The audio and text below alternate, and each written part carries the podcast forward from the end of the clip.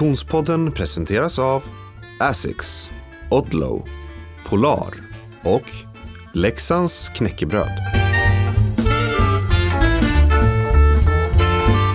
Hej och välkommen till Konditionspodden. Vi är framme vid det andra avsnittet denna nionde säsong. Jag har inte vant mig, Oskar Olsson, vid att säga denna nionde säsong. Nej, det är ju bara för kanske det är andra avsnittet så Aha, det tar ett tag innan vi, vi börjar bli gamla i är gamet. Det är lite som att byta år du vet, så skriva 2023 kommer att kännas Exakt. avigt sen. Höstterminen 2022, säsong 9. Jag som pratar heter dock fortfarande Frida Zetterström och du heter Oskar Olsson. Hur är läget? Jo, det är bra. Ja. Jag sladdar in med sand mellan tårna. Ja, verkligen. Direkt från Mallorca. direkt från Mallorca eh, och, och eh, känner att jag behöver liksom väcka min hjärna lite och hamna i någon form av så här mer representabelt socialt mood. Men det känns som att dagens gäst har åtminstone eh, eh, mycket kompisar på den plats där jag har varit. Alltså, ja just det, det är ju cykelparadis. Eller hur? Mycket. Har du cyklat Frida? Jag har icke cyklat. Nej. Det låter vi dagens gäst göra. Och det är ju en favorit i repris, eller hur? Det Ja. är tredje gången han gästar officiellt eh, i, i eget namn, höll jag på att säga. Men det har ju blivit fler inhopp i, i Konditionspodden, Emil Lindgren. Jajamän. Börjar du känna dig som, som eh, eh, våran eh, fjärde redaktionsmedlem? Nej, det skulle jag inte säga. Men jag satt och funderade på det. Jag cyklade ner alldeles nyss här eh, hit och så satt jag och funderade på när jag var här sist och det är faktiskt en liten stund sedan. Ja. Eh, som jag var här, här, här, eller här på det gamla stället ni hade. Exakt. Eh, Ganska exakt två år sedan. Ja, det måste vara det. Jag tänkte shit vad tiden går fort. Ja, ganska exakt två år sedan, i ganska exakt samma läge, då hade du också tagit en titel. Det stämmer bra. I det fallet var det ju eh, SM-titeln. Du hade Precis. plockat hem eh, vinsten och ledartröjan, höll jag på att säga, eller segern. I XCO. Ja, exakt. Och i, i det här fallet så har du plockat hem ännu en gång vinsten i Cykelvasan. Vi börjar väl ändå med att säga stort jävla grattis. Ja, hatten av, jag har min keps på att lägga på bordet här och bugar och bockar. Eh, What a show! Ja men precis och, och för den Konditionspodden-lyssnare som händelsevis inte har lyssnat på alla hundratals avsnitt eh, genom våra nio säsonger så kan vi ju då specifikt rekommendera eh, avsnitt 5 säsong 5 det var sist du gästade, eh, men även avsnitt 20 säsong 4, för det var faktiskt då du var med oss första gången. Och det är egentligen i det avsnittet man får störst grepp om hela din karriär, eh, om man liksom vill ha storyn från början. Men om vi i det här avsnittet bara landar en liten stund i hur mår du just nu?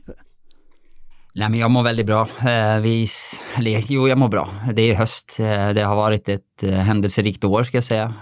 Jag, sen jag var hos er sist så gjorde jag faktiskt en utlands, eh, ett utlandsförsök till eh, under hela förra året då, alltså under 2021. Och eh, gjorde det hyfsat bra ska jag säga. Jag var väl inte helt nöjd med det jag, det jag gjorde där ute ehm, och bestämde mig för att göra en Sverige-karriär igen då, eller backa tillbaka till Sverige. Mitt mål för året var att vinna allting jag ställde upp i. Eh, Har inte riktigt lyckats med det, men eh, det har gått lite upp och ner i år, men jag har lyckats pricka in fem utav, eller fyra utav fem målsättningar jag hade under året, så att eh, jag är eh, väldigt nöjd. Mm. Att, att ha som målsättning att vinna allt man ställer upp till, begränsar dig, det dig då i vad du ställer upp i eller eh, eh, blir du bara bäst helt enkelt? Nej, det begränsar mig inte alls, utan jag ställer upp i det jag, det, det jag tidigare gjort. Egentligen i princip alla tävlingar som går att tävla i på mountainbikecykel i Sverige eh, under ett års tid. Och så det är ungefär 25 lopp.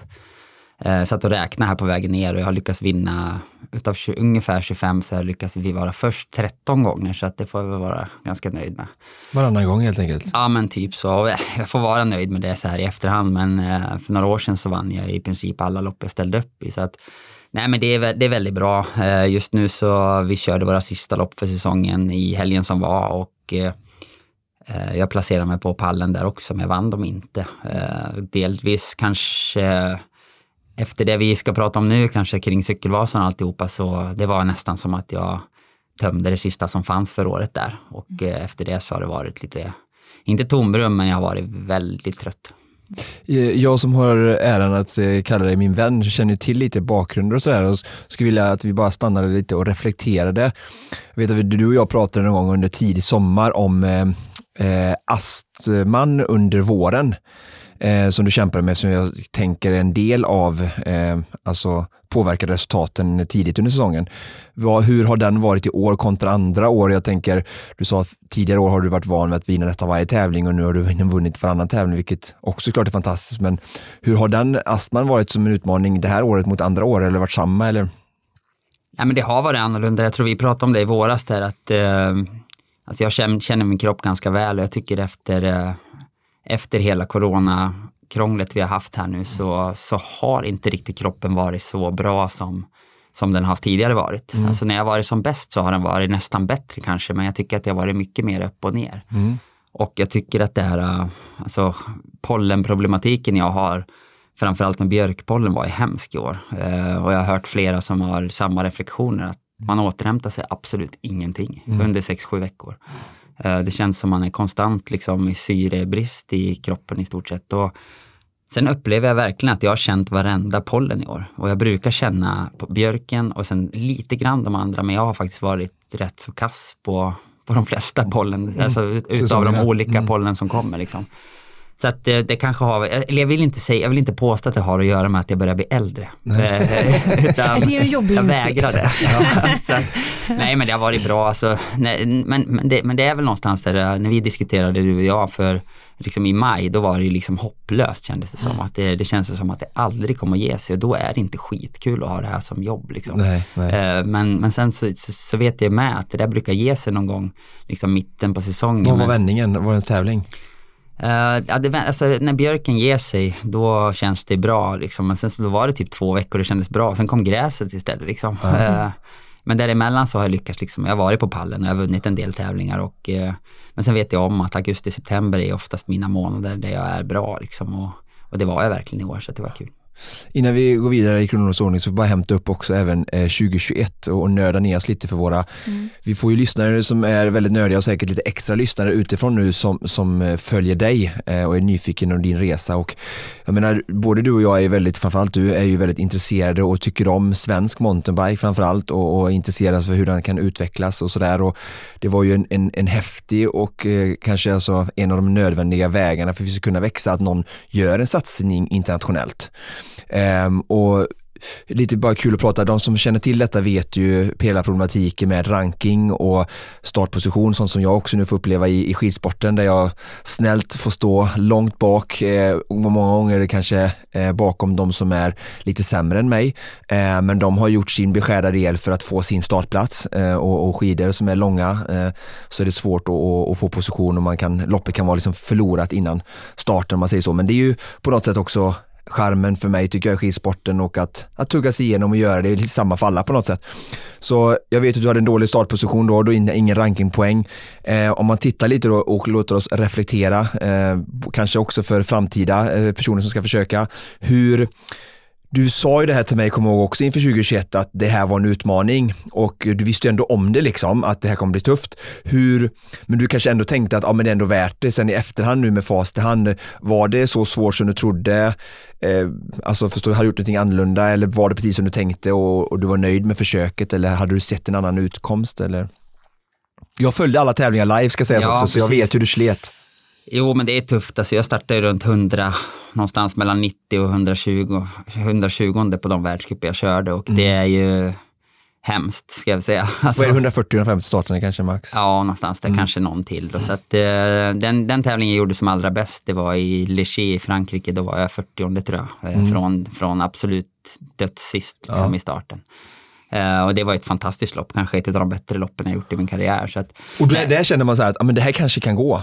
Ja, men typ, men sen är det liksom, det är bara matte alltihop och någonstans liksom det, det, det, är så svårt att förklara för det är liksom nästan krig där ute. Alla cyklar sjukt fort alltså. Eh, när världscupen är igång så är det i alla fall 50 som är sjukt snabba. Mm. Eh, yes. Alltså jag, jag, jag fick så jättemånga high fives för den där 40, 40 platsen som var den bästa jag lyckades med det året. Mm.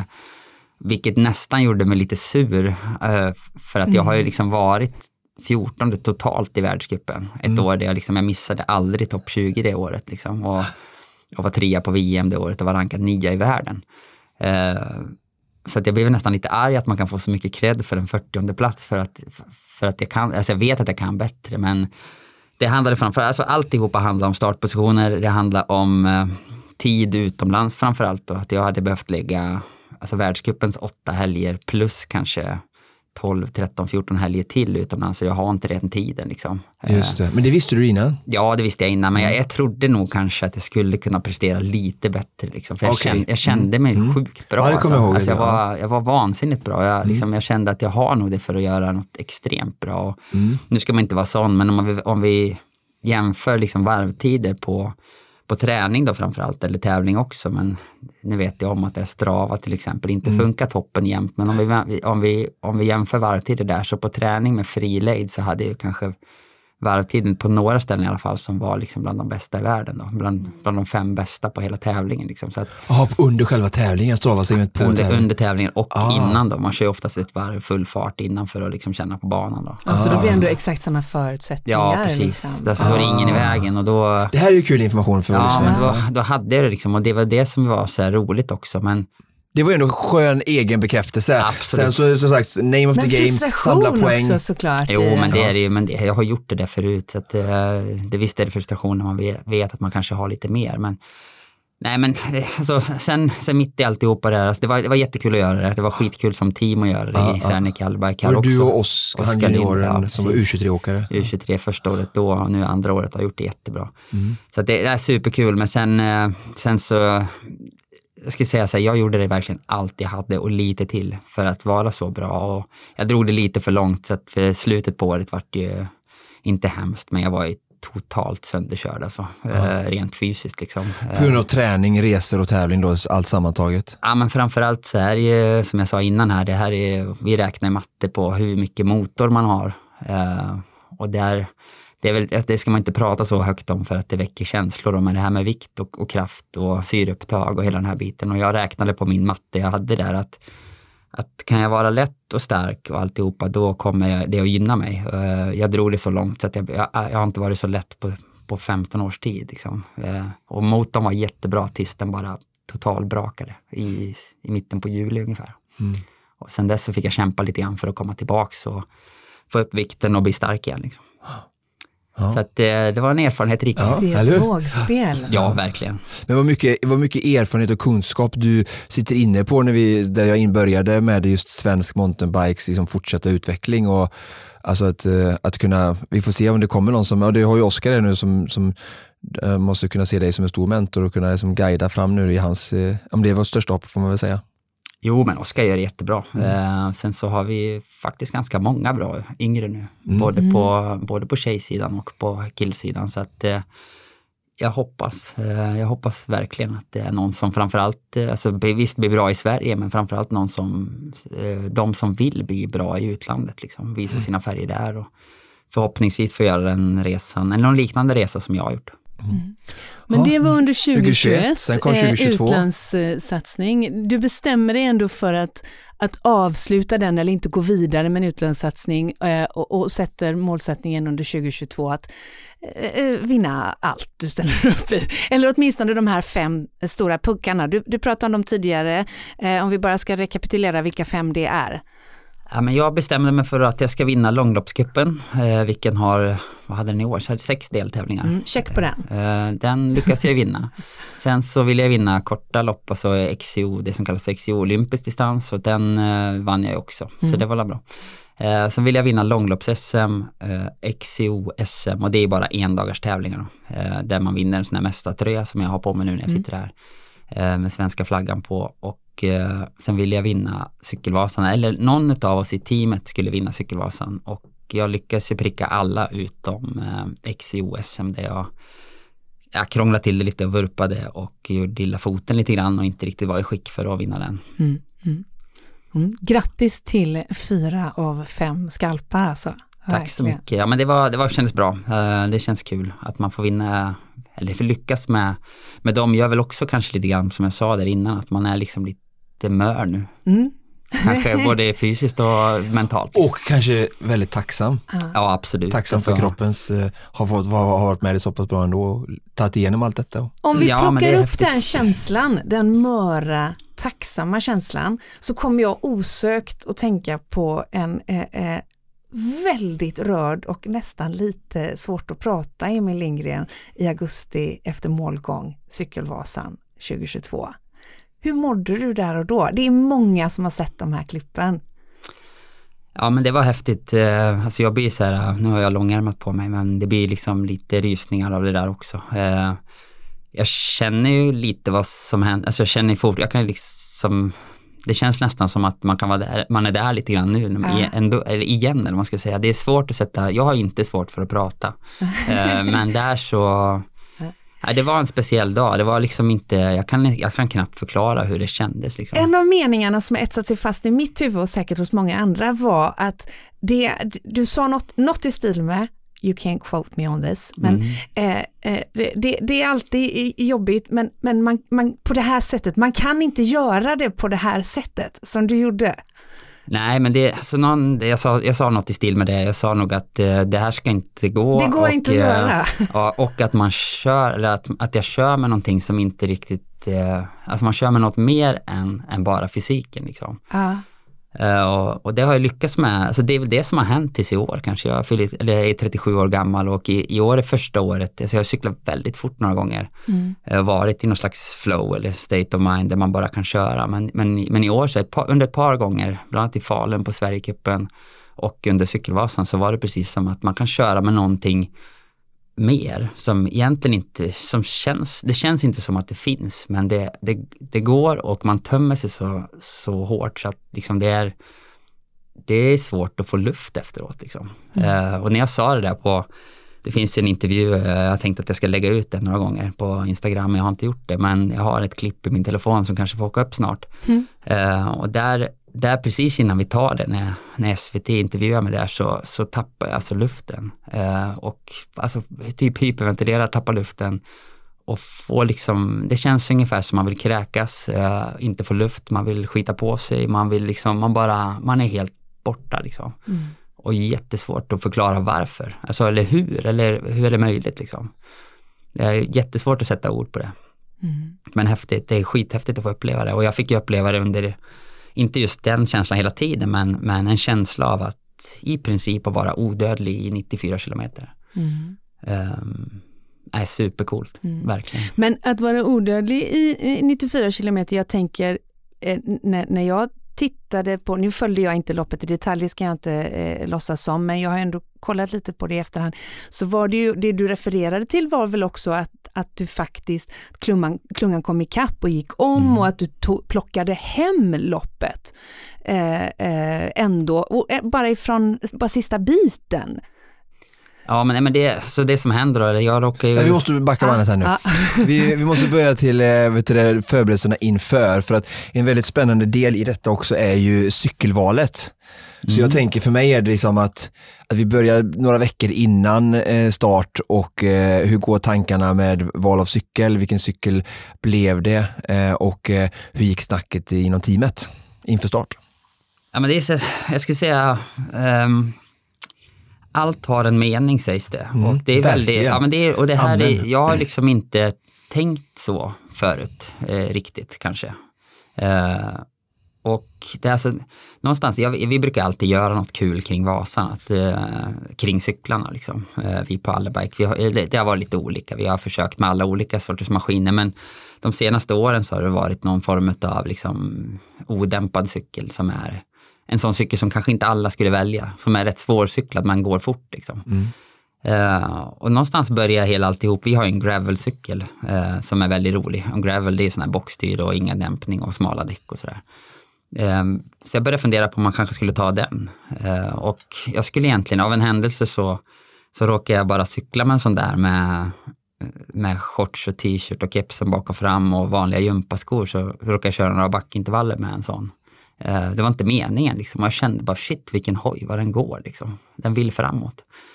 Eh, så då började jag tänka på att ta en, köra en sån, men sen så, så landade vi någonstans i att jag tror att det, eller vi tror att det blir för studsigt, liksom, att det kommer inte funka och en stor risk att ha så smala däck.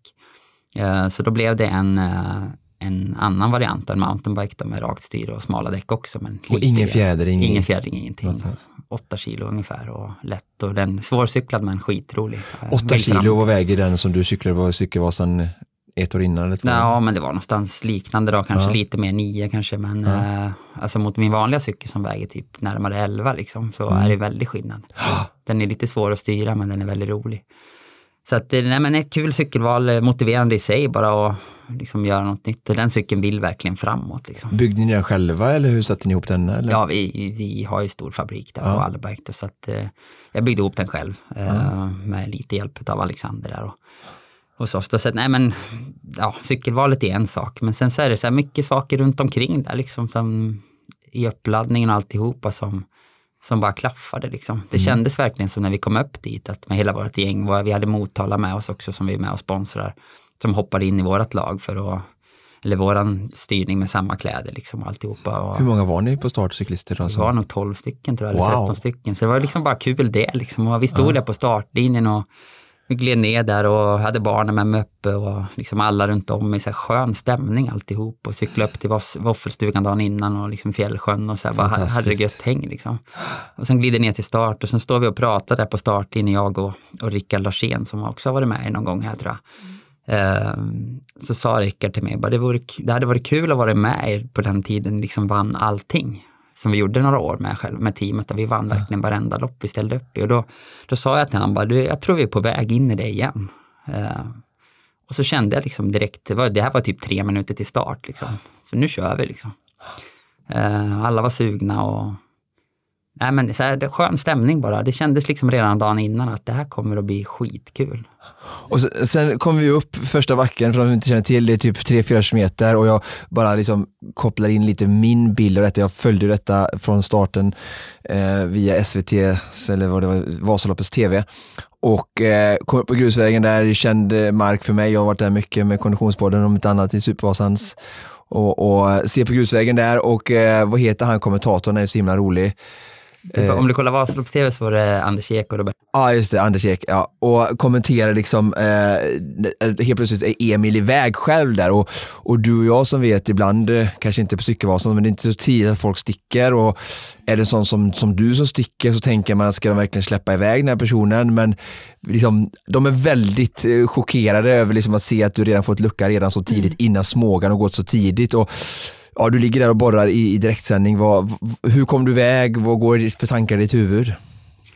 Nej, men det var också en tillfällighet egentligen. Jag, eh, alltså vi kommer upp där med hela laget samlat egentligen. Eh, alla var med liksom och, och de andra killarna skickade på någon attack där först, men hem, vilka hämtades in allihopa. Och så tänkte jag att ja, men jag, jag gör ett litet försök jag och så får vi se vad som händer. Och det var inte tanken av att gå själv, utan det var mer, mer att iscensätta någonting så kunde de andra, kanske. kunde, ja men kunde kanske någon annan pysa iväg från oss. Liksom. Ja. Men så kände jag bara efter typ 10 sekunder att det är ingen som tar det, men då kör jag väl då. Alltså jag har inget att förlora. Jag har Du låg och tittade bak då liksom och ser Ja, men jag tittade bak och det var ingen där och så bara kände jag att nej men, jag kör, får vi se vad som Det händer. var- var ingen utdelad taktik, liksom, att det Emil ska gå efter 500 meter, ni andra ska bromsa järnet. nej, liksom. nej, nej, absolut Johan inte. Olsson 2013, 2.0. Nej, men det var egentligen inte någon tanke så, men det vart liksom, jag hamnade där och kände typ efter en minut så här att fasen det svarar bra liksom och cykeln går som bara den och liksom, det var bara kul liksom. Ja, Eh, Och det var, det var inte ens jobbigt heller i början liksom. Eh, Så tänkte jag att jag kör för att jag har redan vunnit en gång och kan jag, kan jag liksom hjälpa de andra en liten stund där. Alltså, tanken var att det kanske inte blir så långt liksom. Eh, Och hjälper de andra så menar du att de andra får, kan sitta på hjul och, och inte behöver göra någonting? kan ligga bakom och bara åka med liksom. Mm. Så får, får de andra eh, motståndarna, om vi ska Ja. kalla det så, då, Ja. får, då får de dra lite grann och kanske ödsla lite kraft. Jag kanske var den som ödslade mest kraft eftersom jag satt själv där framme. Mm. Liksom. Men jag tänkte så här, det här blir väl en liten grej bara som tar tio minuter. Det, det spelar inte så stor roll i min form, liksom, eller min, min kapacitet. att uh, Kör jag i 10-15 minuter så har jag fortfarande kvar för att köra fort sen. Men det, Mm. Det blev ju faktiskt i två timmar istället. ja, själv liksom, så att, men, men, men även där så kände jag, liksom, jag bestämde mig nästan direkt att jag kör, för jag har redan vunnit en gång. Varför? Det spelar liksom ingen roll om jag vinner en gång till i, i mitt liv egentligen. Liksom. Så att jag, jag kör och bäddar för någon av de andra. Ehm, och sen blev det typ att jag tar en kontroll i taget. Och, Mm. och så, så mitt mål var väl egentligen att hinna till Evertsberg liksom, Du, du, du hade det som första mål, lite jag ska hinna till Eversberg först då. Ja, men typ så. Då, då har jag hjälpt de här, liksom resten Ja. av killarna i, i mitt lag. Liksom, eh, då har jag hjälpt dem halva sträckan. Och Och, sen, ja, sen när jag började se dem där så, ja men det var ju kul så här, för nu var det ju faktiskt live på tv så folk hade ju sina telefoner och tittade liksom. Ja. Det var skithäftig känsla. Eh, så jag fick ju tidsangivelser och, och Så de skrek längs med banan liksom, Ja, att det ja, var en och en halv och... Absolut, men sen så är vi, som ni ser på sändning där så tittar jag bak en hel del men det, är- det är mest för att jag vet att, att tiden kan ryka hur fort som helst. Alltså en minut är ingenting. Okej. Det känns ju som, alltså det känns, för er så känns Ja, det som mycket men en minut är det, det, det var så roligt, vad som hände, det, hände, det måste ha hänt någonting lite mellan Evertsberg och Oxberg. För då tänkte jag så här att nu kommer du till Evertsberg, eh, det här var ju bara i min egen hjärna, så här, nu hade du säkert två minuter eller någonting. Eller något sånt där. Närmare två. Ja, och så tänkte jag så här, nu är det bara nerför Mm. och du är den snabbaste nerför av hela klungan liksom rent tekniskt. Och så där kan de inte ta någonting, de kan inte få en samarbete hela vägen ner till liksom Vasslan och sen så liksom, får man med sig farten lite där böljande och sen visst det är tungt upp till Oxberg. Men sen kom vi till Oxbergskontrollen, för, så då var jag säker på att du kommer hålla hela vägen. Det var, det det. var jag helt övertygad. Det jag. Och sen så, oh, nej, jag förstår det, men det var, du känner ju bättre än vad jag kan. Men, och sen kom vi till Oxbergskontrollen, då var det typ en minut. Nej, det var där. mindre än så. Ännu mindre till och med. Eh, det- Alltså jag vet om att när man, när man kör hårt i Oxbergsbacken, alltså Lumbersbacken, eller Lumbäcksbackarna eh, och Oxbergsbacken om vi säger så. Mm. Ja, så det går ju faktiskt upp till Oxberg sen Mm. också efter Lundbäcks liksom. där vet jag om att där, där tar man en minut väldigt snabbt. Alltså om man Mm. är grupp bakom och kör på. Liksom. Men det kostar också. Så att eh, de var ju faktiskt eh, i toppen innan Oxberg så tittade jag bak och då var de kanske bara 15 sekunder bakom. Ja. Och då, då tänker jag att jag tar väl spurtpriset eh, i Oxberg och sen får vi se vad som händer. Men du, du, till skillnad från oss då, så blev, du var liksom inte chockad när du vände dig om där. Så Nej, bara inte så här, alls. äh. Inte alls. Alltså, men, men jag var ganska sliten där, och så ska jag säga. Men det häftiga blev på något vis att när jag körde runt i, för de som vet hur det ser ut i Oxberg, så kör man ner för en backe. Det är inte som på skidorna när man åker rätt upp i kontrollen, utan vi kommer uppifrån och ner, svänger vänster, och så är det som en stor hästsko runt. Och när vi kör runt, eller när jag kör runt där och ser till att få själva spurtpriset så så tittar jag bak vilka det är som kommer och ser en ganska stor grupp, men jag räknar någonstans att vi är fem, sex stycken kvar ifrån laget. Eh, och det gjorde mig liksom glad på något vis, att jag kände så här att Alltså då slog jag på något nytt, liksom. då, då, då slog jag mer på så här hjälpryttarrollen. Eh, från att liksom, en, alltså ännu mer hjälpryttarrollen ska jag säga. Och då kom en kille som heter David Risberg och attackerade från den gruppen upp till mig. Så det var inte hela gruppen som kom ikapp. Uh, och då gick vi, det här fick ni aldrig se på tv, utan då gick vi direkt igen, jag och David. David från, Eh, han kör för, uh, ska vi se, ML Sports Club tror jag den heter, uppe i Falun. Ja. Jätteduktig cyklist. Eh, så han kommer ikapp, så vi är loss kanske en kilometer till då innan klungan kommer ikapp. Och sen går jag igen och så är jag nog iväg på två, två tre korta grejer. Själv? Ja, själv, liksom jä- jättekorta saker. ja, ja. Innan Rickard Larsén och ett par stycken till gör en attack som är, blir väldigt farlig då, men den tar klungan i kapp. Och sen är jag faktiskt avhängd lite grann i Hökberg. Aha. Eh, det fick ni nog se på tv. Ja, där, kom, TV. där kom se- sändningen in igen. Men Ja. jag är liksom, någonstans däremellan det som inte ni får se, där, där är jag med på allt som går. För att jag tänker att jag kan, jag kör på allting så får vi se. Uh, för det, det också kan hjälpa mina andra, eller Ja. mina killar. Då. Samt som du vet att det klart kostar energi Ja, att ja, gå absolut. på. Ja. Men någonstans så kollar man ju på allihopa också. Man känner igen alla där ute och alla såg jävligt trötta ut. Alla såg slitna ut.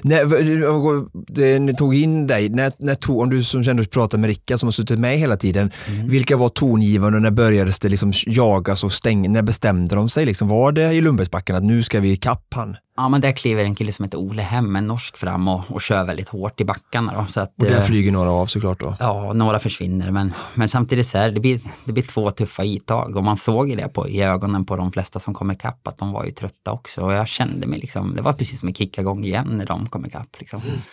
Eh, lite sällskap så. Ja, ja. Sen så var jag faktiskt nästan avhängd i Hökberg eh, ut för det så rullade jag ikapp alla så jag råkade vara med på, på de attacker som kom. Och sen attackerade jag faktiskt Viktor Henriksson då som blir tvåa eh, med typ 16-17 kilometer kvar. Innan lärde precis där då. Ja, precis. Och där, eh, där pöser jag med också. Då, så att, Ja. men Men ser sen- att han går, men då måste du ha, ha fly, från att då vara nästan avhängd i Hökberg, Mm. så ska du få en bra position i klungan så att du ens kan gå med och se att han går. Ja, men det var ett par, alltså jag gjorde typ ett par attacker först då, Ja. eh, innan han. Ja. Och, eller jag var med på allt och sen var jag med på den med. Och, äh, men det var en sån där, jag vet inte, sån där dag man känner sig odödlig, det är bara kul liksom. Det är bara roligt att köra. Och sen, sen kör ni tempodrar ni eller sitter du bara på hans hjul? Nej, eller? jag var ju faktiskt helt slut då. Ja, ja. Eh, alltså på riktigt helt slut. Eh, och kommer med honom och han säger ganska, vi får ju lucka omgående och han säger eh, till mig, så jag vet hur mycket du vill vinna. Ja, det vill jag verkligen, så men jag är helt död så att du, du får köra. Och han kör, liksom. han kör, han drar ju alltihop. Så han tycker nästan det är lite roligt den här situationen. Det vet jag inte, men alltså, han, han gjorde det väldigt bra. Han körde ju fantastiskt bra och, och eh, det var ju ingen där bakom egentligen som tog, alltså, börja jaga liksom. De, de Vad- försöker. Vad, vad, vad sa de efter målgången sen, liksom, alla som åkte i klungan? Att vi försökte allt vi kunde men han var bara starkare och drog ifrån oss liksom. Nej, alltså, både och då, men det är liksom, det jag vet ju själv hur det är att sitta där bakom. Det blir liksom sådär Lurpass. att ing, ja, men, f- vissa försöker, och sen, men försöker man inte helt helhjärtat så Nej. går det inte att åka ikapp. Liksom. Eh, Jag har suttit där själv också och varit med och dragit bakom, men det, liksom, det räcker inte om bara en bestämmer sig, utan liksom fem måste bestämma sig. Eh, annars så går det inte. nej, nej. Så att, eh, nej men jag fick kämpa ord- ordentligt där. Jag, vi fick någon tidsangivelse bakåt och då kände jag väl så här att det här kommer vi att lösa, liksom. eller jag att lösa, jag är tvungen att lösa det. Ja. Eh, och Viktor drog ju på det. Jag tror han var ganska nöjd med att ens ha chansen att vinna eller kanske vara tvåa också. Så att Han körde på någonstans mellan kilometer 15 till 15 kvar till fyra kvar. Då hängde och slängde jag ganska rejält för att jag var trött. Du fick verkligen bita varje Ja, uppförsel. ja och- absolut. ja. Jag bet ihop. Det Ställer var nästan så att jag och- fick vila uppför, för det är jag Ja, verkligen det, bra. men stark, på själva ja. det platta platta så fick jag kämpa. Och fyra kvar så känner jag mig ganska säker på att det här, det här rår jag hem liksom. Uh, Viktor försökte någon, vid campingen där, med Aucklandbron där, så försökte han. Eh, och jag kände direkt att jag har, jag har det som behövs. Och i en spurt så vet jag om att jag är grym. Mm. Så att, eh, nej alltså, ser, ser man tillbaka på alltihop så är det ju skithäftigt allting liksom. Alltså, superkul grej och ja, men lite det här som, som någon har sagt någon gång att det är liksom ett, en mamma kan lyfta på en bil om det behövs. Liksom. Det där kanske var en sån dag som jag fick erfara. Liksom, att det, det finns något mer än det som, som faktiskt finns. Mm. Så att nej, super, super, alltså, sjukt häftig grej. Om du jämför den här vinsten med eh, eh, 2019 eh, när du segrade i, i Cykelvasan förra gången. Mm, ja, alltså det är svårt. Det var två helt olika lopp. Då var det ju sällskapsresa alltihop. Vi hade motvind så det var jättesvårt Ja. att komma Jag ifrån. tänker egentligen inte så mycket jämföra loppen utan mer känslan, av Känslan. att vinna. Ja, alltså det var häftigt då. Eh, helt klart, det var skitstort att vinna då. Eh, det var ju liksom sista bocken jag ville Mm, bocka. Liksom. Men den här gången blev liksom, ja men det ska, som jag sa där, det ska inte gå att göra sådär. Alltså gå från början och vara loss nästan hela dagen och bara köra själv liksom. Utan alltså det här är bland det häftigare jag har gjort någonsin. Eh, och sen avtrycket det gjorde liksom hos folk då som, som följde det där, alltså efteråt nu så är det liksom Ja, men vet när, man blir, när folk känner igen en ute i skogen som möter en där ute och som äldre folk som har följt det här på tv och tyckt att det var fantastiskt och, och hela den här biten är ju liksom så emotionellt skitfränt alltså. Eh, nej, alltså super, jag vet inte, det är svårt, alltså det går knappt att förklara men så jäkla fränt alltså.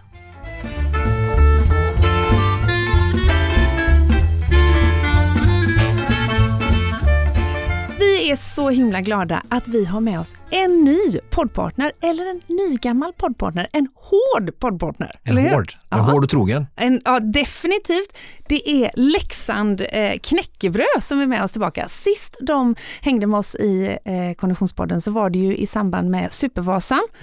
Eh, jösses vad jag käkade knäckebröd där under de dygnen när vi stod med studion i Mora.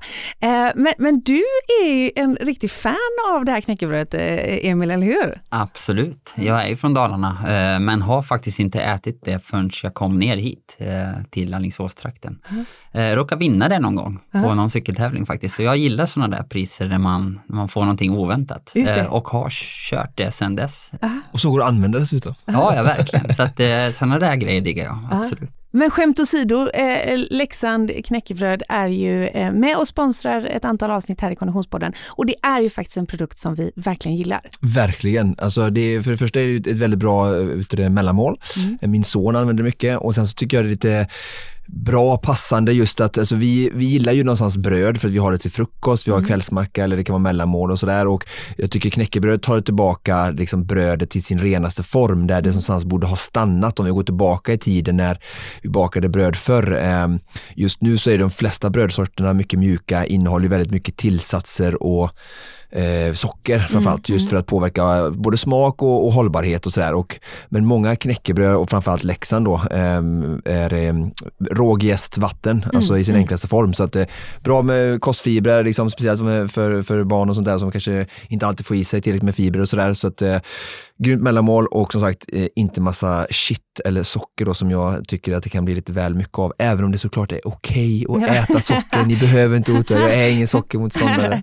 Men i det här fallet så förespråkar vi ändå eh, 100% fullkorn, 21% eh, fibrer vet jag att det är i just Leksands Är knäckebröd. du nutritionist nu också? Nej, det är jag definitivt inte. Skulle aldrig ta på mig den hatten. Däremot är jag tämligen nutritionsintresserad och har alltid varit. Och väldigt glad att vi får med oss Leksand knäckebröd under ett antal avsnitt. Tack för det! Vi måste ju också, även det, alltså allting eh, gott har något ont med sig, jag på att säga, liksom, men det är alltid, alltid utmaningar med allting.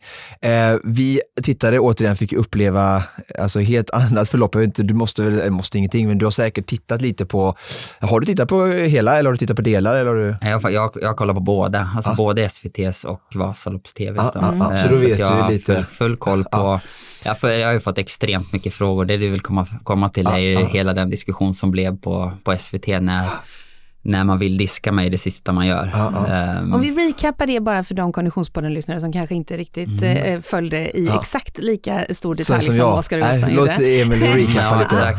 Nej, men det som händer är ju så här att det finns en regel på landsvägscykel att man får inte släppa händerna från styret, utan man måste ha händerna på styret, alltså ett grepp runt styret. Man får inte lägga armarna på styret och inte hålla i sig. Och den, eh, den regeln har funnits i år. Mm. Eh, på, eller, det började lite förra året tror jag. Eh, och sen så på, på landsvägscykel ska vi tillägga. Och, och en vecka innan Vasan så blev en tjej som heter Marianne Voss diskad på eh, Vårgårdas landsvägsvärldscup som de hade Typ bästa sven- eh, kvinnliga cyklist i, i världen. Ja. Ja, hon vinner loppet och Ja. blir diskad för att hon har lagt ner armarna på styret, vilket är så här vedertaget eh, inom cykel överlag att man gör det ibland. Mm. För att få lite, kanske lite mindre vindmotstånd och, och alternera positionen lite grann. Och när jag kommer iväg så, så gör jag det här på, på mountainbikecykel och på en mountainbike-tävling. Eh, och jag tänker inte så värst mycket på det för jag har faktiskt koll på reglerna. Jag är även med och eh, är, jag ska inte säga att jag är manager, men för vårt lag så är jag med i Serneke Allebike så är jag med och roddar i laget. Liksom. Så jag har full koll på att mountainbike finns inte i regeln. Eh, Det finns en regel som säger att man får inte göra detta när man ligger i en grupp. Mm. Eh, Men om man ligger själv så är det inga bekymmer. Och det enda man inte får göra är att man får inte skyla nummerlappen. Med händerna. Då, så att man ska kunna identifiera Mm. den som kör. Det jag sa också, jag satt helt själv och kollade, liksom, bara, du domare, uh, han, han har nog koll på reglerna. Liksom. Ja. Nej, men faktum är att jag har, det är en diffus regel. Eh, och eh, jag får inte veta något om det här och jag tänker inte på det själv heller för att jag liksom, alltså, det är inte, en, det är inte en, en regel för mig. Utan det är lugnt, jag är själv, jag lägger ner, jag lägger mig ner där och köttar på liksom på, på några få vägar och det här gör jag på en gång. Alltså när jag kommer iväg. Ja, det det, det här gör jag alltså det, efter 30 sekunder när jag kommer iväg typ, Så gör så, gör jag det här första gången. Och jag gör det på, på några sträckor, men det är inte sådär jättemånga sträckor, men jag gör det några gånger. Eh, och sen så, så folk tror väl att jag har fått reda på det där, eh, men det har jag inte fått. Eh, och sen någonstans när det är 10 kilometer kvar, då är det förmodligen någon som får panik när de ser att jag kommer att vinna loppet. Och jag gissar att diskussionen uppkom ganska sent i loppet för att det, vad jag fått höra efterhand då, så är det ju panik där eh, i domarbåset. Och det är domarbås, men jag tänkte, är, är de, eh, jobbar de för cykelförbundet eller hur? Alltså, vem är, Alltså det är två olika saker. Det är en tävlingsledning Mm. eh, och sen är det kommissarier som, som eh, är utsända av cykelförbundet för att hålla koll på tävlingen. Mm. Så att det som händer, är, de som diskuteras på SVT då, är att jag ska bli diskad och de ska plocka av mig av banan typ 500 meter före mål. på Aucklandbron säger de. Mm. Eh, Bra genomtänkt.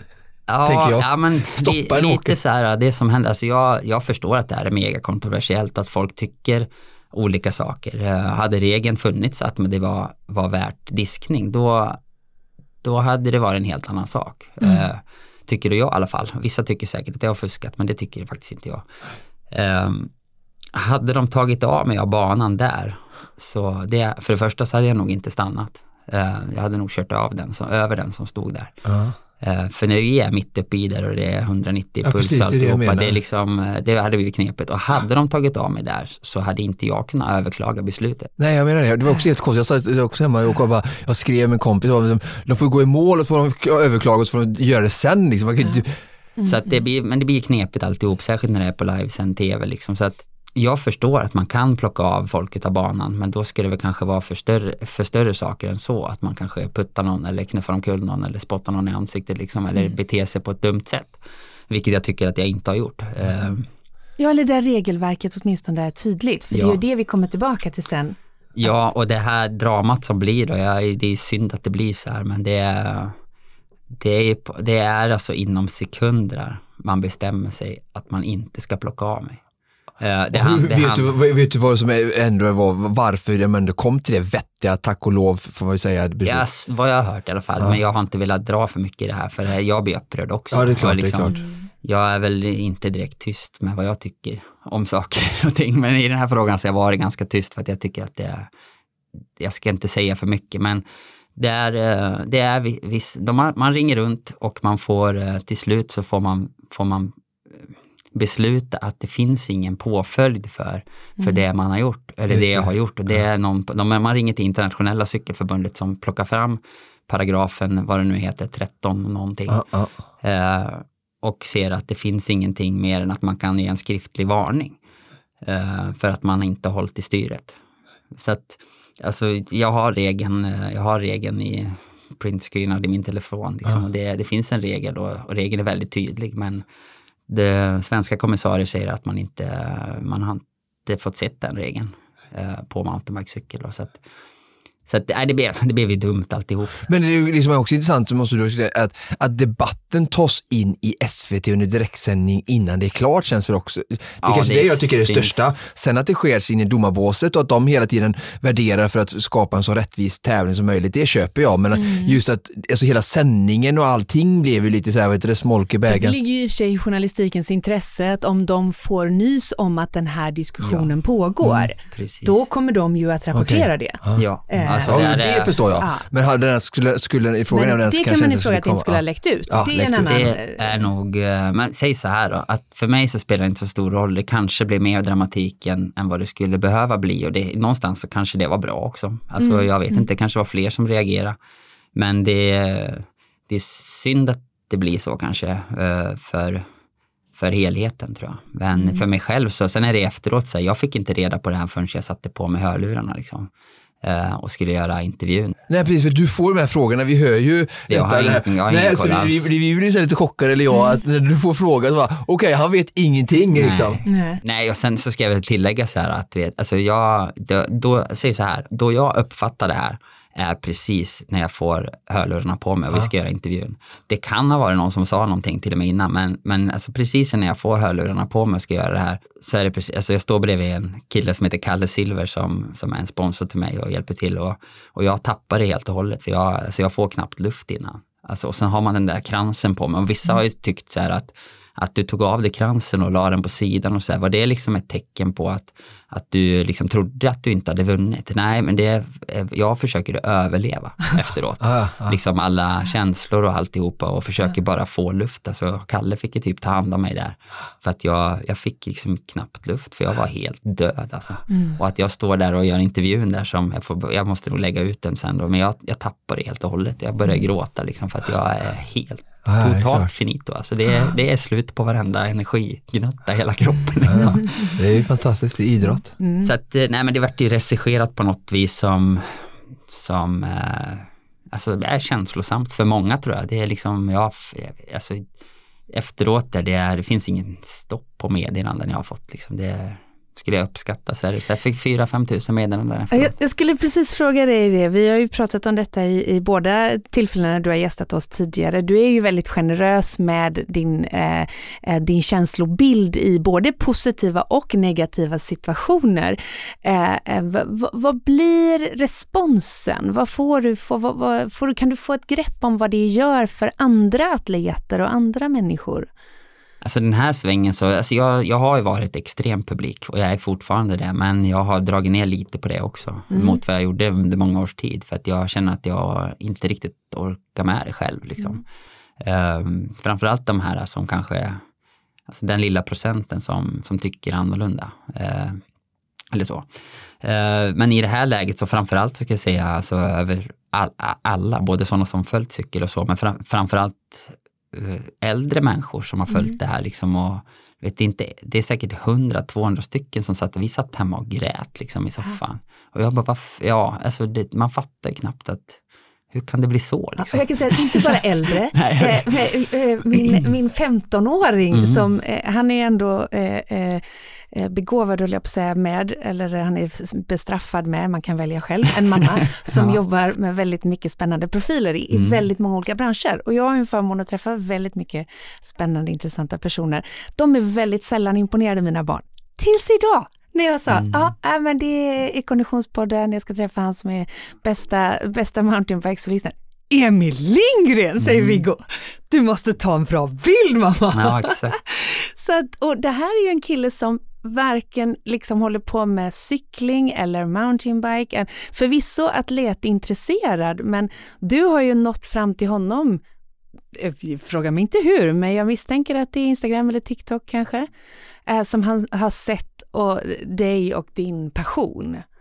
Ja, alltså det har jag. Jag vet inte, alltså det är det här som är så jävla häftigt. Uh, och visst, jag har liksom varit så inom cykelsfären och de som känner mig, men, men just det här öppnar liksom dörren till till vanligt folk liksom, uh. som inte har ett dugg intresse av cykel. Och, och det är liksom fortfarande känslosamt. Liksom, när uh. man, ja, men typ som innan nu så, så stannade jag till uh, här nedanför på parkeringen och satt de och käkade ute och då ser man någon som tittar liksom som att de hajar till att fasen vem är det liksom. Uh, och typ känner igen en känns det som. Uh, så nej, det är fränt, det är skithäftigt. Eh, du sa förut att du vill inte vad det gäller pollensituationen och astmasituationen eh, eh, ta tanken i ditt, i ditt sinne att det har med att göra att du blir äldre. Men I'm sorry to break it to you, det kommer att hända även dig att du blir äldre. Ja. Eh, om, vi, om vi tar hela den situationen med att du berör så många människor med ditt, eh, din offentliga person och din syn på, på den mentala biten och mental träning och, och, och liknande. Vart vill du ta vart vill du ta din karriär i steg två? Har du funderat på det?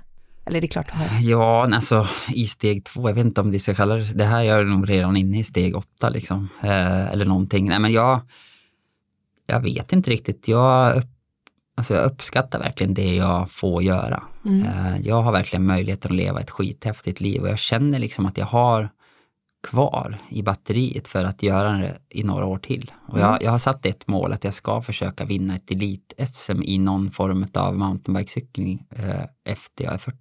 Ah. Det är en, en liten bit kvar. Men samtidigt så känner jag ju typ... Vad är det, 37? 37 nu 37, ja. Samma årgång som... Ja, 85 Så det, då, då behöver inte jag ge upp heller då. Youngsters. Nej, men jag, känner, jag känner någonstans att jag har kvar att ge där ute och jag, jag känner mig fortfarande liksom grym. Kanske inte lika stabil på toppen mm. som jag varit men Nej, sen, jag funderar extremt mycket på allting men jag, jag, jag känner nog att, eller jag känner så här egentligen att jag vill göra någonting mer. Att för att faktiskt kunna inspirera. Mm. Det, det, du, det, du, gör med de här medlen måste jag också bara säga liksom att otroligt modigt och du inspirerar ja. redan väldigt mycket där. Och jag som älskar just det här med eh, den mentala biten och tycker att det pratas alldeles för lite i samhället Absolut. om hur vi är vårt egentliga mående. För det är ofta så här, hur mår du? Ja, det är bra. Eh, prata om känslor och verkligen uppleva, se baksidan bakom tröjan, komma lite närmare. Så det är någonting vi borde ha mer i liksom, den offentliga rummen, debatten, både i relationer eller i liksom, ja, öppet som sagt. Och din, du som ändå når ut så pass många och, och visar detta, du, du, för mig är det jättebra och häftigt att du vågar, för det är inte många som vågar vara så personliga. Och jag menar, folk kan tycka så här att ah, ska du skriva det här eller bla bla bla, men det är ju bara avföljare att inte, alltså inte ta Ja, del. ja, alltså, förstår du menar? Så du lägger ju upp det öppet för den som vill och, och den som kan, kan ju läsa då verkligen ta till sig någonting av det. Så att, jag tycker Ja, det alltså, ja, absolut. Nej, men jag, ja, så det finns så många sätt du kan göra det på menar jag än bara Ja. cykelbanan. Liksom. Ja, jag funderar på sjukt mycket saker, jag funderar fortfarande på det, men det är någonstans så, så i vissa lägen så skulle jag nästan vilja sluta cykla för att kunna lägga, eller alltså tävla på den nivån för att kunna lägga den energin på någonting annat i, i samma stil. Då, liksom. Ehm, men jag tycker det är så jävla skoj att försöka vinna saker fortfarande och vara Den på mitt tiden allra kommer ju bästa. tids nog ändå. Ja. Ja, den, den, den kommer ju närmare och Ja. närmare. liksom. Ja, alltså, Men sen är jag, jag är, alltså jag är så här frän, frän punkt i livet där jag, där jag liksom egentligen har åstadkommit typ allt jag behöver göra eh, för att vara nöjd inom själva cykeldelen. Men, men och liksom har, jag har alla, alla runt om mig som jag behöver och bra, alltså bra relation och br- ungar och liksom he- alla vill framåt på något vis. Så det är skitskoj. Sen så Sen är jag ganska publik, absolut, men det är liksom däremellan som, som liksom när jag satt, ja men när vi träffades Oskar i maj, när jag liksom har förlorat första långloppet för året, jag kände mig piss liksom. Eh, det är ju, alltså min känsla då är ju att, att jag inte vill cykla en enda meter till för att jag, för att jag hatar att inte vara bra liksom, om man säger så. Men ändå knyter man handen i, i fickan och bara, ja men det kommer att släppa, det kommer att släppa. Så att, nej, ja, ja, ja, Det är fantastiskt, jag vet inte hur många som kan säga så här att, och, och prata med sån passion om hur nöjda de är med sin, Nej. sin nutid, sin, sin tillvaro och bara där känner ju jag, jag känner väl också igen mig mycket där, men alltså att det, där har du också någonting som jag tror att du kan bidra med och påverka mycket, liksom alla runt omkring som följer dig, som du kanske inte ens vet om. Alltså att, att visa att det finns så många olika sätt att leva sitt liv på. Alltså du lever inget traditionellt svenssonliv eller någonting sådär. Du har makten att skapa din tillvaro, d- din verklighet och det viktigaste är att bara vara, vara nöjd. För att det är klart att samhället kanske skulle säga så här, men Emil ska du inte skaffa ett vanligt jobb, eh, bygga hus och, och liksom du, göra det här och det här. Men liksom, till vilken nytta då och hur kommer Emil må då? Alltså det är otroligt inspirerande och, och bara för, för många att få följa och se hur du verkligen liksom gör det som känns rätt för dig och vågar stå i det. Ja, men, men, men, men i nästa andetag så ska man också, jag är väldigt nöjd. Men, jag, men för de som är närmast så kanske inte jag uppfattas nöjd för att jag vill liksom hela tiden något annat också. Så att, så att eh, utåt sett så, ja, absolut, absolut så är jag nöjd. Men jag funderar hela tiden på hur jag kan göra saker för att, för att vara ännu nöjdare. Och jag klagar ganska ofta till de närmsta jag har. Eh, Men kanske inte till de som är Nej, eh, utanför. För jag, klagar, alltså jag vill mera. Jag vill känna mig piggare när jag vaknar. Jag vill, liksom, jag vill skapa ännu mer. Eh, Så att jag, jag är mega nöjd men samtidigt så vill jag framåt på något vis. Eh, Som för de närmsta kanske jag upplevs liksom lite lite jobbig ibland. Eh, men, men, men, jag, men jag omger mig Ja, också inte utav, nej, men jag, omger mig också utav nästan bara sådana människor som är likna, liknar mig själv. Att vi vill, alla vill framåt. Eh, väldigt hårt och vissa, och det, det bra är då är ju att att säga att min sfär runt om mig är tio människor så, och nästan alla vill framåt. Men, men under, den, här- un, under tidens gång så är det kanske sju som vill framåt väldigt mycket och är glada. Och sen kanske det är tre som, som är, vill framåt men, men är lite frustrerade. Och, och sen byter vi plats lite grann då och då. Så att de flesta vill framåt. Men, men eh, vi, det finns också en del frustration men, som gör någonstans att, att vi alla vill ännu mer framåt, eller vad man ska förklara det på. Eh, Vi, de här sju som mår bra jobbar lite hårdare just då. det är Eh, som en cykelklunga. Ja men typ så att, att, eh, och jag tror det är viktigt. Att, eh, att vi, vi, vi pushar varandra framåt allihop men, men, men, men, men 30% får chansen att vila lite medan de andra 70 jobbar ju stenhårt. Och sen byter vi plats lite då. då. Eh, Jag tror vi pratade om det kanske för länge sedan också. Alltså jag är helt övertygad om att vi killar också har en menscykel på något vis. Liksom. Eller en hormonell cykel som, som är några veckor på, nå- någon vecka av, några veckor på. Eh, och, och, det kanske är där vi kanske överlappar lite grann. Eh, så någon är lite nere medan någon andra är lite högre upp. Ehm, så, eller jag tror så. Mm, bra. Du väcker ju onekligen engagemang och vi lät våra lyssnare via sociala medier eh, slänga in lite frågor. Vi har redan maximerat vår tid men jag tänker att vi tar några eh, lyssnarfrågor ifrån Konditionspoddens Instagram till Emil Lindgren.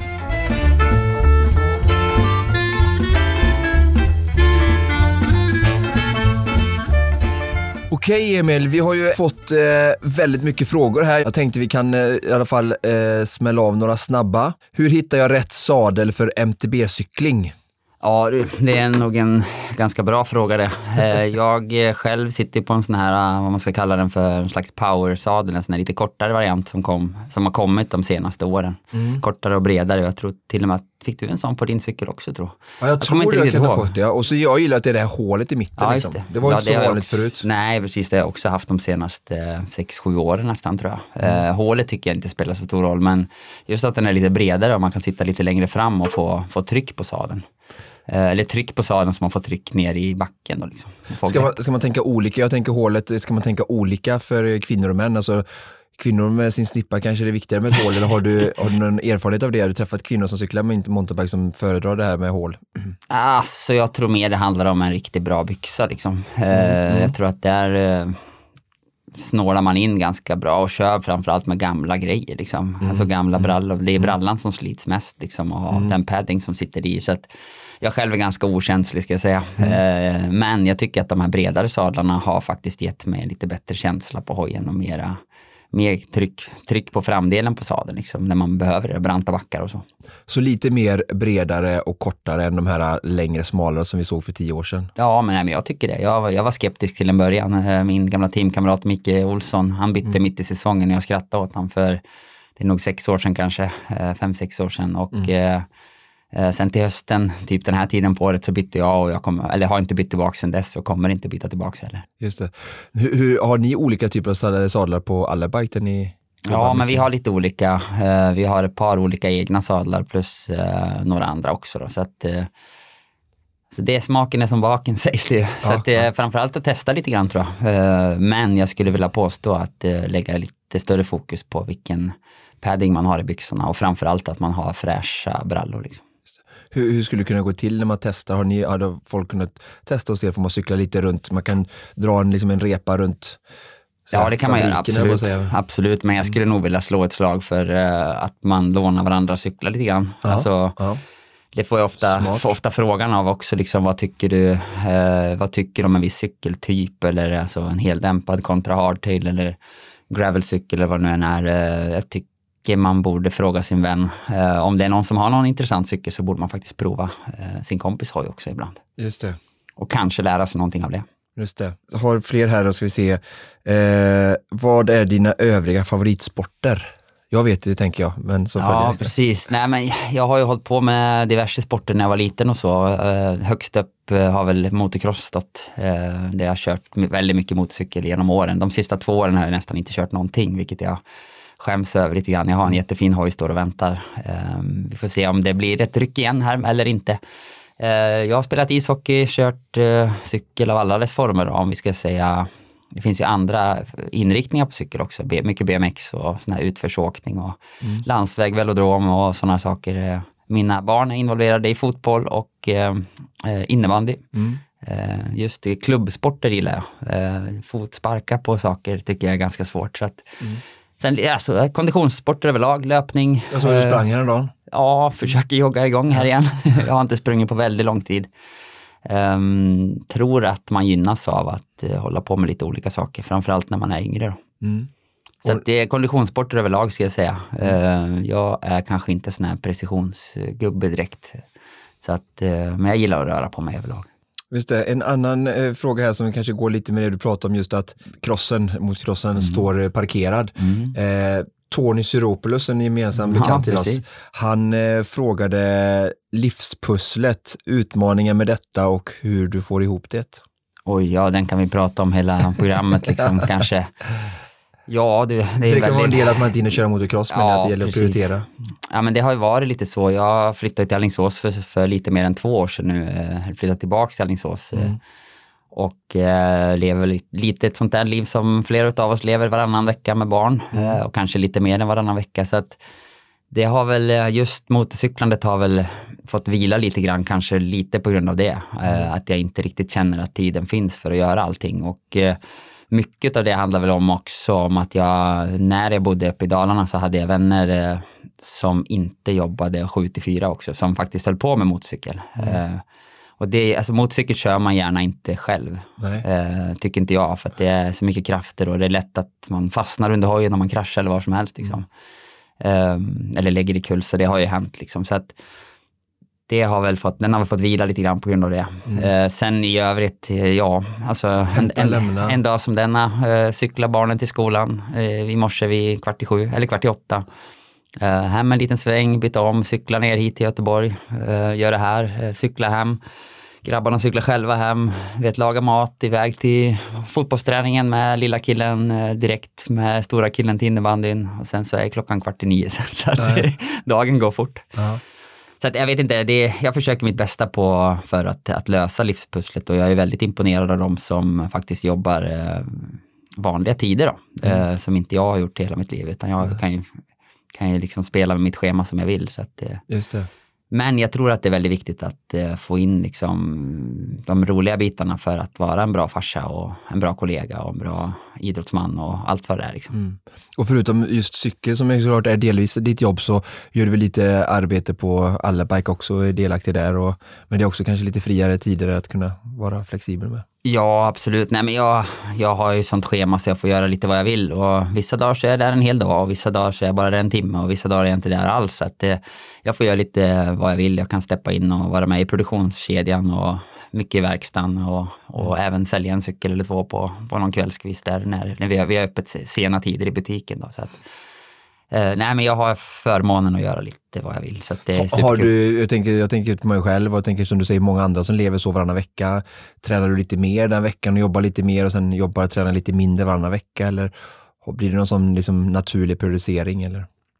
Um, alltså jag försökte göra det, men eh, jag tror det blir ungefär likadant ändå, för jag känner att eh, det går, jag, jag fastnar kanske lite i någon slags ond spiral eh, där, det jag skyndar mig hela tiden överallt, för att jag vill vara en pappa som inte har barnen på, eller framförallt minsta på, på fritids och så mycket. Och, eh, det har väl blivit lite så att jag skyndat mig från ena saken till den andra, vilket gjorde kanske att jag varit en lite, lite sämre på allting egentligen. Eh, jag har försökt att lugna ner mig lite grann och träna ganska lika, eh, oavsett om de är hos mig eller hos sin mamma eller, eller så. Så att jag försöker hitta någon slags balans, men det är, ju- det är svårt, absolut. Kör Emil Swift och kan han ge tips på hur man ökar vatten effektivast vid indoor cycling. Så att Jag tänker att du kör väl inte Swift, men eh, vi kanske ändå kan prata om hur man effektivt kan eventuellt öka sina watt. Då. Och, och vikten av indoor, indoor cykling som, som står eh, runt hörnet nu inför vintern. Ja, precis. Nej, så jag själv eh, kör inte, jag har ett Swift-konto men det är fryst höll jag på att säga, det ligger i dvala.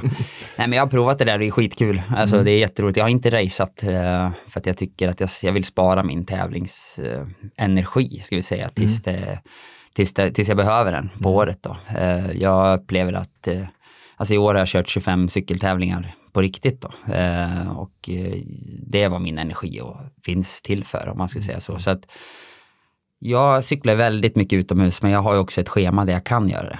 Eh, jag behöver inte liksom, jag behöver inte utnyttja de mörka timmarna på, på dagen på det viset. Så att, eh, jag har tillgång till det om jag vill. Eh, på Allbike så har vi en träningsstudio också kan man säga med både gym och, och sådana cyklar och så vidare. Så att, jag rekommenderar nog det för de flesta. Eh, för att det kanske behövs. Alltså eh, kunna köra på de mörka timmarna. Men, men också det, det kanske är skoj att faktiskt använda en pannlampa också ibland. Ja. Jag tror det är omväxling för nöjer. Ja.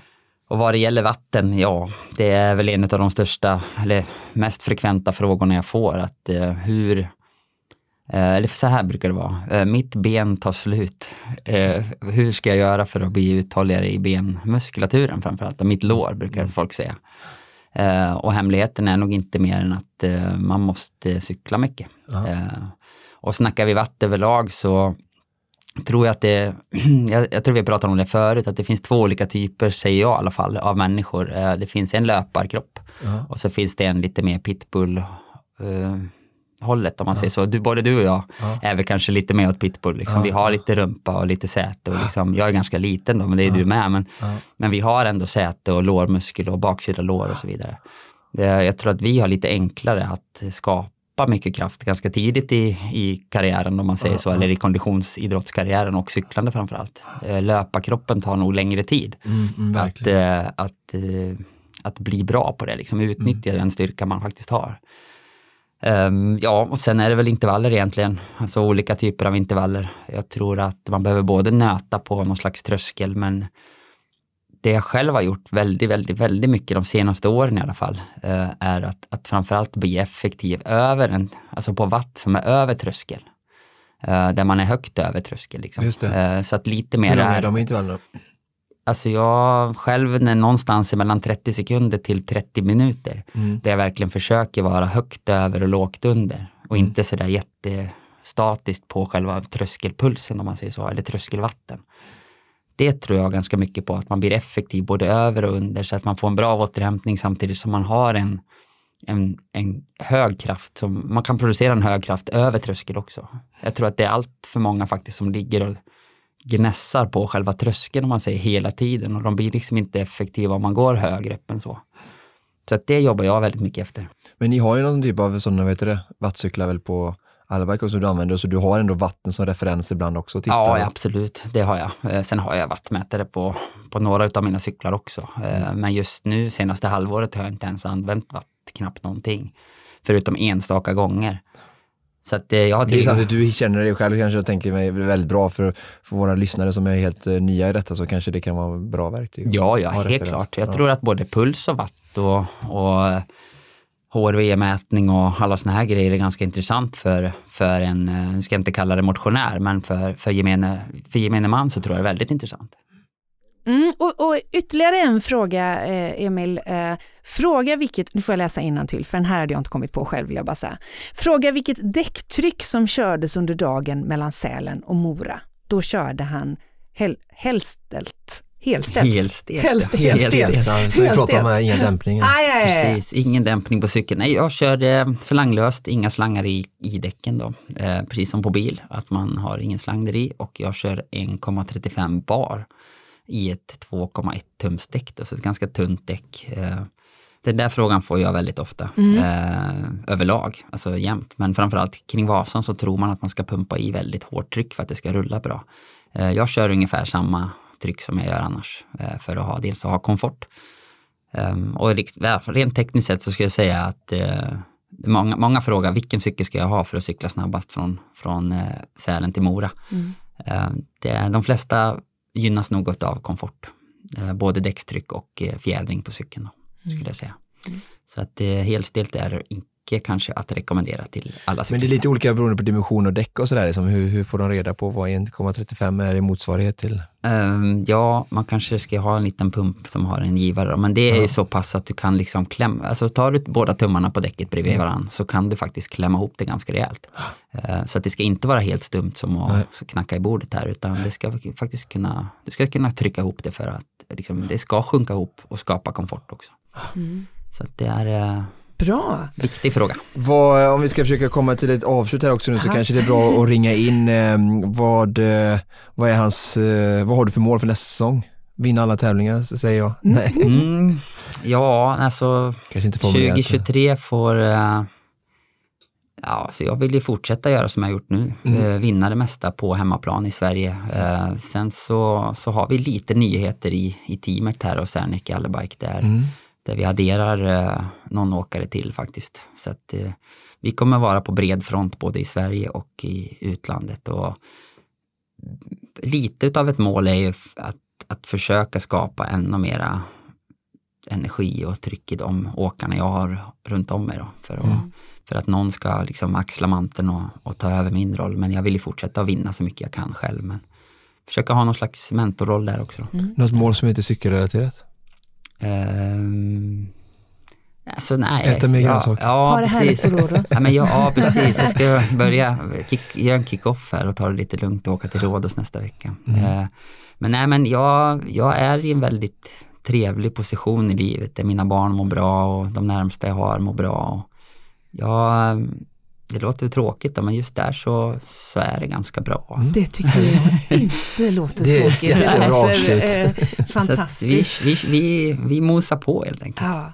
Underbart. Eh, jag, jag, tänker man brukar säga eh, eh, en gång, ingen gång, två gånger är en vana, tre gånger en tradition. Alltså nu vid det här laget är du ju ett stående inslag. Vi är så glada Emil att du än en gång gästade Konditionspodden. Och vi får ju anledning att återkomma, eller hur? Verkligen. Snart hittar han på något sånt här knäppt igen Precis. där vi behöver, det vi behövs, vi behöver liksom. lite guidning. Nej men det hoppas jag och där någonstans där så tror jag att vi är inspiratörer. Alltså vi ska nog komma ihåg det som avslutar att det är kanske inte bara jag som är någon slags inspiration för folk utan jag tror vi inspirerar folk i vår närhet och, och alla, oberoende, alltså det spelar ingen roll vilken nivå du är på, mm. så inspirerar vi någon, en granne eller någon i nästa by eller, eller så. Så jag tror att vi allihopa ska sträcka på oss lite grann och, och komma ihåg att vi är inspiratörer allihopa. Och där fick vi avsnittets slutord dessutom. Tack så hemskt mycket Emil Lindgren för att du gästar Konditionspodden och tack så hemskt mycket säger vi till dig som har lyssnat. Det här var allt vi hade att bjuda på för det här avsnittet. Precis som vanligt så produceras Konditionspodden av Fredag. Connect Brands with People.